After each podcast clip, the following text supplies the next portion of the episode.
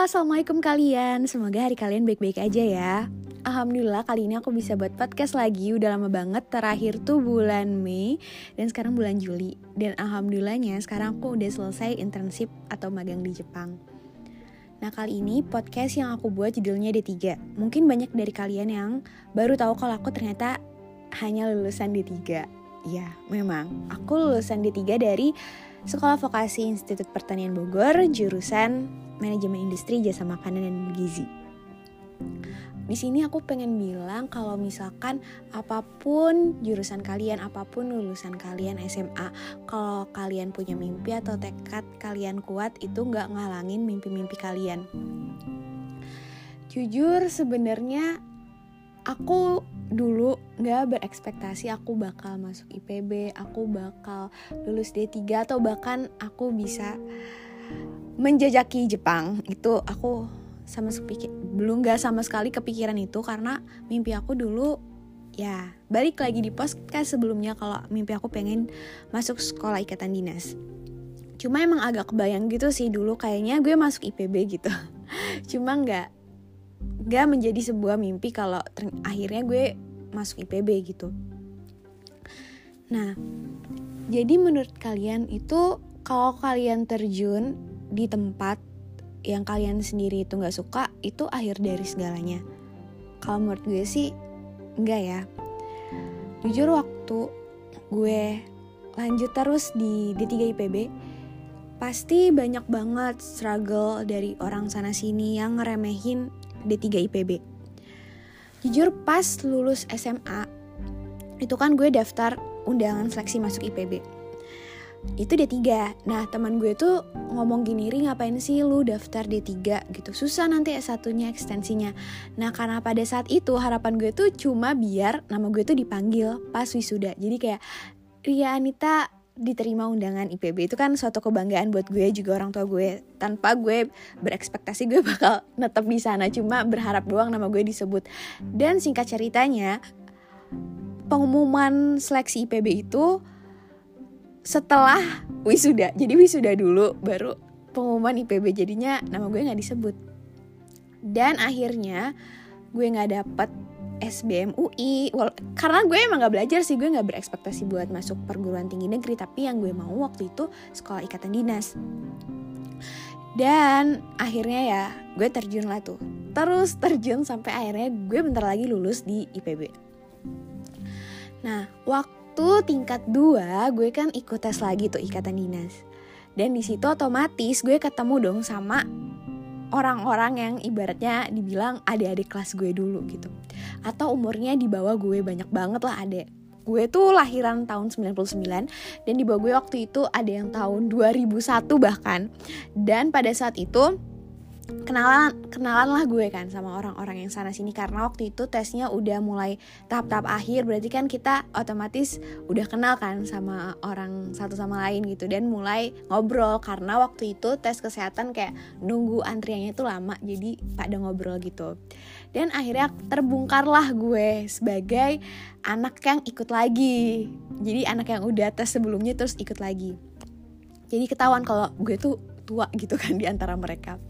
Beberapa dari mereka yang nanya gitu, sekarang di mana gitu, ngapain aja selama satu tahun ini? Ya gue jawab lah gue kuliah gitu kan. Kuliah di mana? gue jawab juga kuliah di IPB. D3 atau S1 Gue gak ngerti sih kenapa orang-orang tuh nanya kayak gitu Ibaratnya kan itu privacy banget Dan yang paling ngebuat gue agak sedikit baper adalah ketika mereka tuh tanya umur gue berapa dan dibandingin umur dia sama umur gue kayak umur kamu berapa? Tahun lahir berapa? 99 oh berarti beda satu tahun ya sama aku? Eh enggak deh beda dua tahun. Ampun itu di situ gue kayak ya Allah kok gini banget gitu ya. Dan mereka tanya kan kuliah D3 atau S1 di situ gue cuma gak, gak jawab gue D3 atau S1 cuma gue bilang e, gue gizi undangan gitu. Nggak salah kan? Gue emang undangan cuma kan gue nggak bilang kalau undangan yang gue dapet itu undangan D3 gitu. Dan mereka cuma bilang oh bagus deh. Soalnya kalau D3 mah gampang banget masuknya.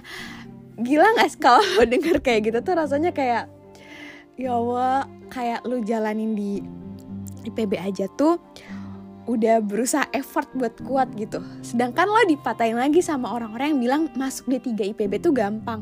Which is kalau misalkan mereka bilang gampang atau enggaknya mereka bisa nggak sih buktiin kalau mereka mampu buat masuk IPB walau itu cuma D3 dan singkatnya gue cuma ngangguk-ngangguk aja karena gue males banget uh, ngikutin alur permainan mereka ngobrol mereka. Gue cuma iya iya aja. Dan pada akhirnya ketika pengumuman lolos atau enggaknya mereka juga nggak lolos patentuhir jadi mereka juga gagal. Dan orang yang ngebandingin umurnya itu dia tuh waktu itu bilang mau masuk IPB dan akhirnya dia nggak masuk IPB dia masuk swasta. Dan satu lagi yang bilang kalau D3 nya itu masuk ya gampang dia juga nggak masuk D3 IPB bahkan atau perguruan tinggi negeri tapi swasta. Di situ kayak omongannya gampang banget ya. Oke balik lagi. Review yang gue tahan-tahanin. Karena emang jujur berat kalau misalkan kalian ngelakuin hal yang menurut kalian bukan passion kalian di situ gitu. Gue jalanin di D3 IPB dengan beberapa orang yang benar-benar ngebuat gue termotivasi akan kata-katanya. Terima kasih. Ya gue jalanin dengan baik. Nah, kenapa gue jalanin dengan baik? Karena gue tuh tipikal anak yang uh, harus ada pelampiasannya apa jadi walaupun gue nggak suka dengan belajar gue di IPB atau gue nggak suka sama ya emang nggak suka aja gitu ya karena terngiang-ngiang sama sekolah ikatan dinas yang gue mau jadinya gue kayak pelampiasan apa nih yang ngebuat gue lebih uh, apa ya ibaratnya nggak dinilai buruk lah jadi kayak ada nilai plusnya nah gue nyari nilai plus gue di mana nih akhirnya gue ikut organisasi-organisasi biar walaupun akademik gue biasa-biasa aja tapi gue bisa ningkatin prestasi gue di bidang lain. Nah, gue ikut-ikutan organisasi, ikutan pengalaman ini dan itu sampai akhirnya gue di Jepang karena gue ikut uh, kegiatan bagian kegiatan yang di luar akademisi lah.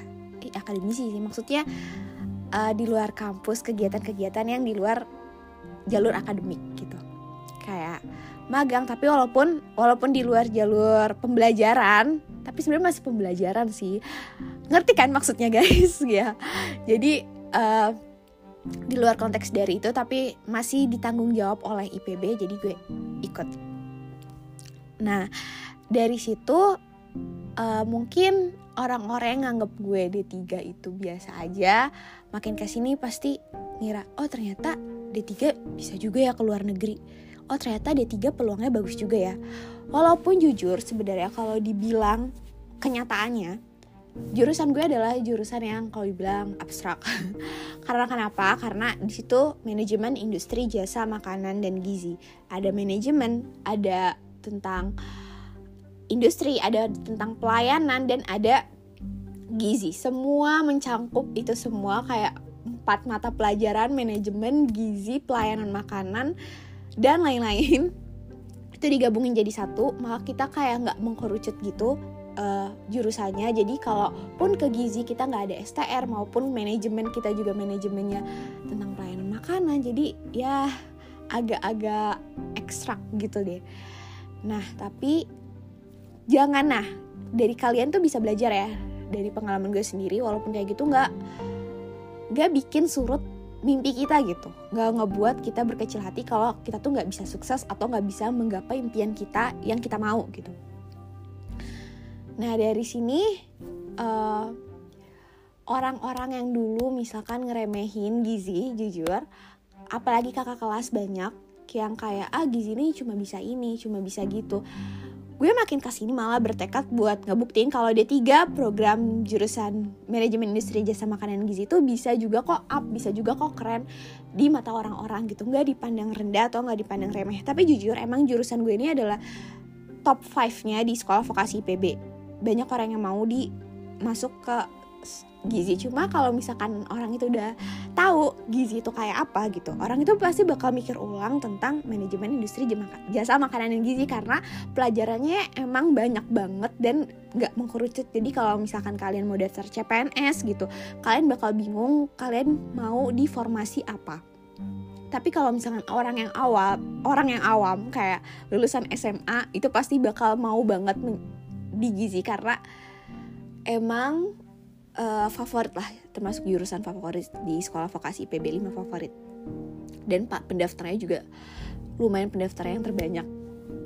Tapi jangan berkecil hati. Banyak banget teman-teman gue kayak aduh gue salah jurusan ngapain gue milih ini ngapain gini gini? Karena kalau kalian punya mimpi pasti kok bisa terwujud. Nah, banyak juga kakak kelas gue yang kayak di tingkat satu udah keluar, bahkan teman-teman gue juga banyak dari tingkat satu udah keluar. Bahkan pengalaman kakak kelas gue uh, cukup deket juga sama gue dulu. Jadi dia tuh keluar tingkat satu buat daftar CPNS tahun 2018 kalau nggak salah. Dia pakai jurusan SMA waktu itu gue bilang pada saat itu dia tingkat 2 gue bilang kak kenapa sih lo uh, daftar CPNS padahal tinggal setahun lagi lu lulus dari D3 gitu lo bisa da daftar pakai ijazah D3 lo gitu. Dia bilang enggak jurusan kita tuh aneh gitu katanya gue mau nyoba SMA akhirnya dia nyoba SMA dan alhamdulillah lulus. Itu kan pilihan masing-masing. Opsi opsi hidup pilihan orang masing-masing. Kita nggak bisa menjudge sesuatu. Nah di situ gue kayak oke okay, gitu. Wow gitu. Pada saat itu gue masih tingkat satu yang hebat ya kakak kelas ini udah punya keputusan. Terus gue gimana nih? Apakah gue harus lanjut? Terus dua tahun berikutnya gitu dengan menahan rasa kejenuhan ini atau gue mundur gitu dan ikut CPNS 2018. Nah pada saat 2018 itu jujur gue juga daftar CPNS. Cuma gue nggak melanjutkan CPNS karena ya balik lagi ke orang tua maunya gue lanjut kuliah dan pada saat itu juga gue ikutkan uh, tes ikatan dinas akhirnya ya udah gue inget kata uh, orang tua disuruh kuliah ya udah gue kuliah dan ya dan akhirnya gue di Jepang gue nggak mengira D3 ini IPB ini membawa gue ke Jepang dan pada saat ini, selain gue di Jepang juga, gue ikut yang namanya mentoring leader dari himpunan alumni IPB. Jadi mentoring leader ini tuh semua anak IPB, baik itu sekolah vokasi, sekolah bisnis maupun S1 IPB yang di Dramaga, semua tuh dibina atau di mentoring sama orang-orang yang ahli di bidangnya yaitu kayak petinggi-petinggi entah itu eselon 1, eselon 2 atau pengusaha-pengusaha yang dengan catatan mereka adalah alumni-alumni IPB pada saat itu uh, waktu gue tahu gue gagal di sekolah tinggi kata dinas gue kayak ngira aduh gue mau jadi apa ya pada saat itu? Alumni alumni IPB tuh kayak gimana sih? Kakak kelas IPB tuh kayak gimana sih? Senior senior IPB tuh sehebat apa sih? Karena di pikiran gue pada saat itu adalah aduh kosong kayak mimpi gue tuh udah ketutup gitu kayak ibaratnya kayak tirai hitam yang gue nggak bisa ngeliat pandangan cerah masa depan gue kalau gue di IPB. Nah pada saat langkah pertama gue saat itu adalah gue ikut yang namanya sekolah kepemimpinan. Nah sekolah kepemimpinan itu adalah uh, yang diadain IPB cuma di luar IPB juga bisa gitu. Organisasi di luar kampus lah ibaratnya. Dan mereka ngundang orang-orang atau aktivis-aktivis yang berprestasi baik itu akademik maupun non akademik yang ada di kampus IPB maupun di luar kampus IPB. Dan pada saat itu gue lihat banyak kakak kelas kakak kelas gue dari S1 sih yang hebat-hebat banget bisa keluar negeri gitu. Pada saat itu gue yang seorang anggotanya gitu yang ibaratnya penonton lah gitu ngelihat uh, beliau berpres uh, apa mempresentasikan experience-nya, pengalamannya gitu. Kayak ih hebat banget ya. Kenapa sih dia bisa kayak gitu padahal kan kita sama-sama karena sih ibaratnya. Walaupun emang beda sih, gue cuma seorang D3 dan dia S1, cuma kayak kalau kita mau kenapa nggak kita coba sih langkah-langkah apa yang dia buat jadi gue tuh selalu kayak mencontoh orang ini mak aktivitasnya ngapain aja ya ngelakuin apa aja sampai dia tuh bisa achieve goal sebesar itu gitu dan akhirnya gue di Jepang ini kayak itu kayak mimpi gue yang dulu-dulu gitu dan saat ini nggak cuma gue di internship aja tapi gue juga ikut yang namanya mentoring leader tadi. Nah mentoring leader ini mungkin kayak gue udah naik kelas lah ya dari sekolah kepemimpinan ke mentoring leader walaupun mereka tuh organisasi beda. Jadi karena gue dulu suka banget ngefollowin orang-orang yang hebat lah ibaratnya kakak kelas kakak kelas hebat yang keluar negeri lah exchange lah atau bikin usaha atau ikut lomba-lomba dan segala macamnya. Jadi sampai sekarang kan kadang suka keluar gitu kan di misalkan dia ngepost apa gue jadi tahu. Mereka buat story apa gue jadi tahu. Nah mereka itu ikut yang namanya mentoring leader. Nah di situ gue kayak gue ikutan ah mentoring leader gitu. Nah di situ ada beberapa tes atau beberapa seleksi dan karena gue di Jepang jadi gue kayak lebih pede lagi buat ikut dan alhamdulillahnya lulus dan di mentoring sama orang-orang yang hebat-hebat banget. Nah di situ gue makin terbuka lagi nih pikirannya kayak ternyata alumni IPB tuh nggak cuma sekedar alumni, cuma orang-orang yang benar-benar berkontribusi besar atas negaranya sendiri. Di situ kayak gue kayak terpacu oh gue bangga deh kayaknya gue masuk IPB. Sebenarnya bukan hanya sekedar bangga, cuma gue bersyukur karena berkat gue di Jepang ini dan gue dibina sama seorang direktur di salah satu kementerian itu dari mana coba? Itu dari IPB. Jadi hal yang gue jelek-jelekin waktu itu ternyata dia yang ngebantu gue. Jadi bener banget. Uh, jadi apa sih gue lupa jadinya. jadi yang menurut kita itu nggak baik, belum tentu menurut Allah itu nggak baik gitu. Ngerti kan?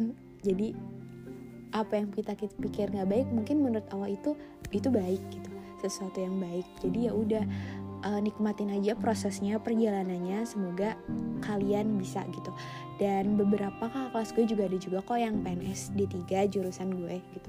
Pokoknya segala sesuatunya jangan kalian compare. Dia bisa kok gue nggak bisa. Kita tuh punya jalan masing-masing yang kita bisa sukses menurut diri kita sendiri gitu. Jangan underestimate diri kalian kayak gue cuma lulusan D3 atau gue cuma hanya seorang lulusan SMA atau S1 yang gue sendiri nggak tahu jurusan gue itu apa sih gitu.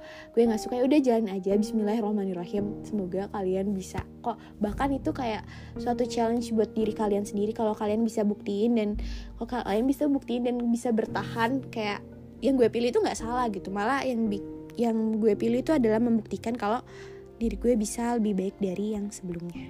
Gitu. Udah gitu aja sih hari ini. Thank you so much 16 menit. Bye bye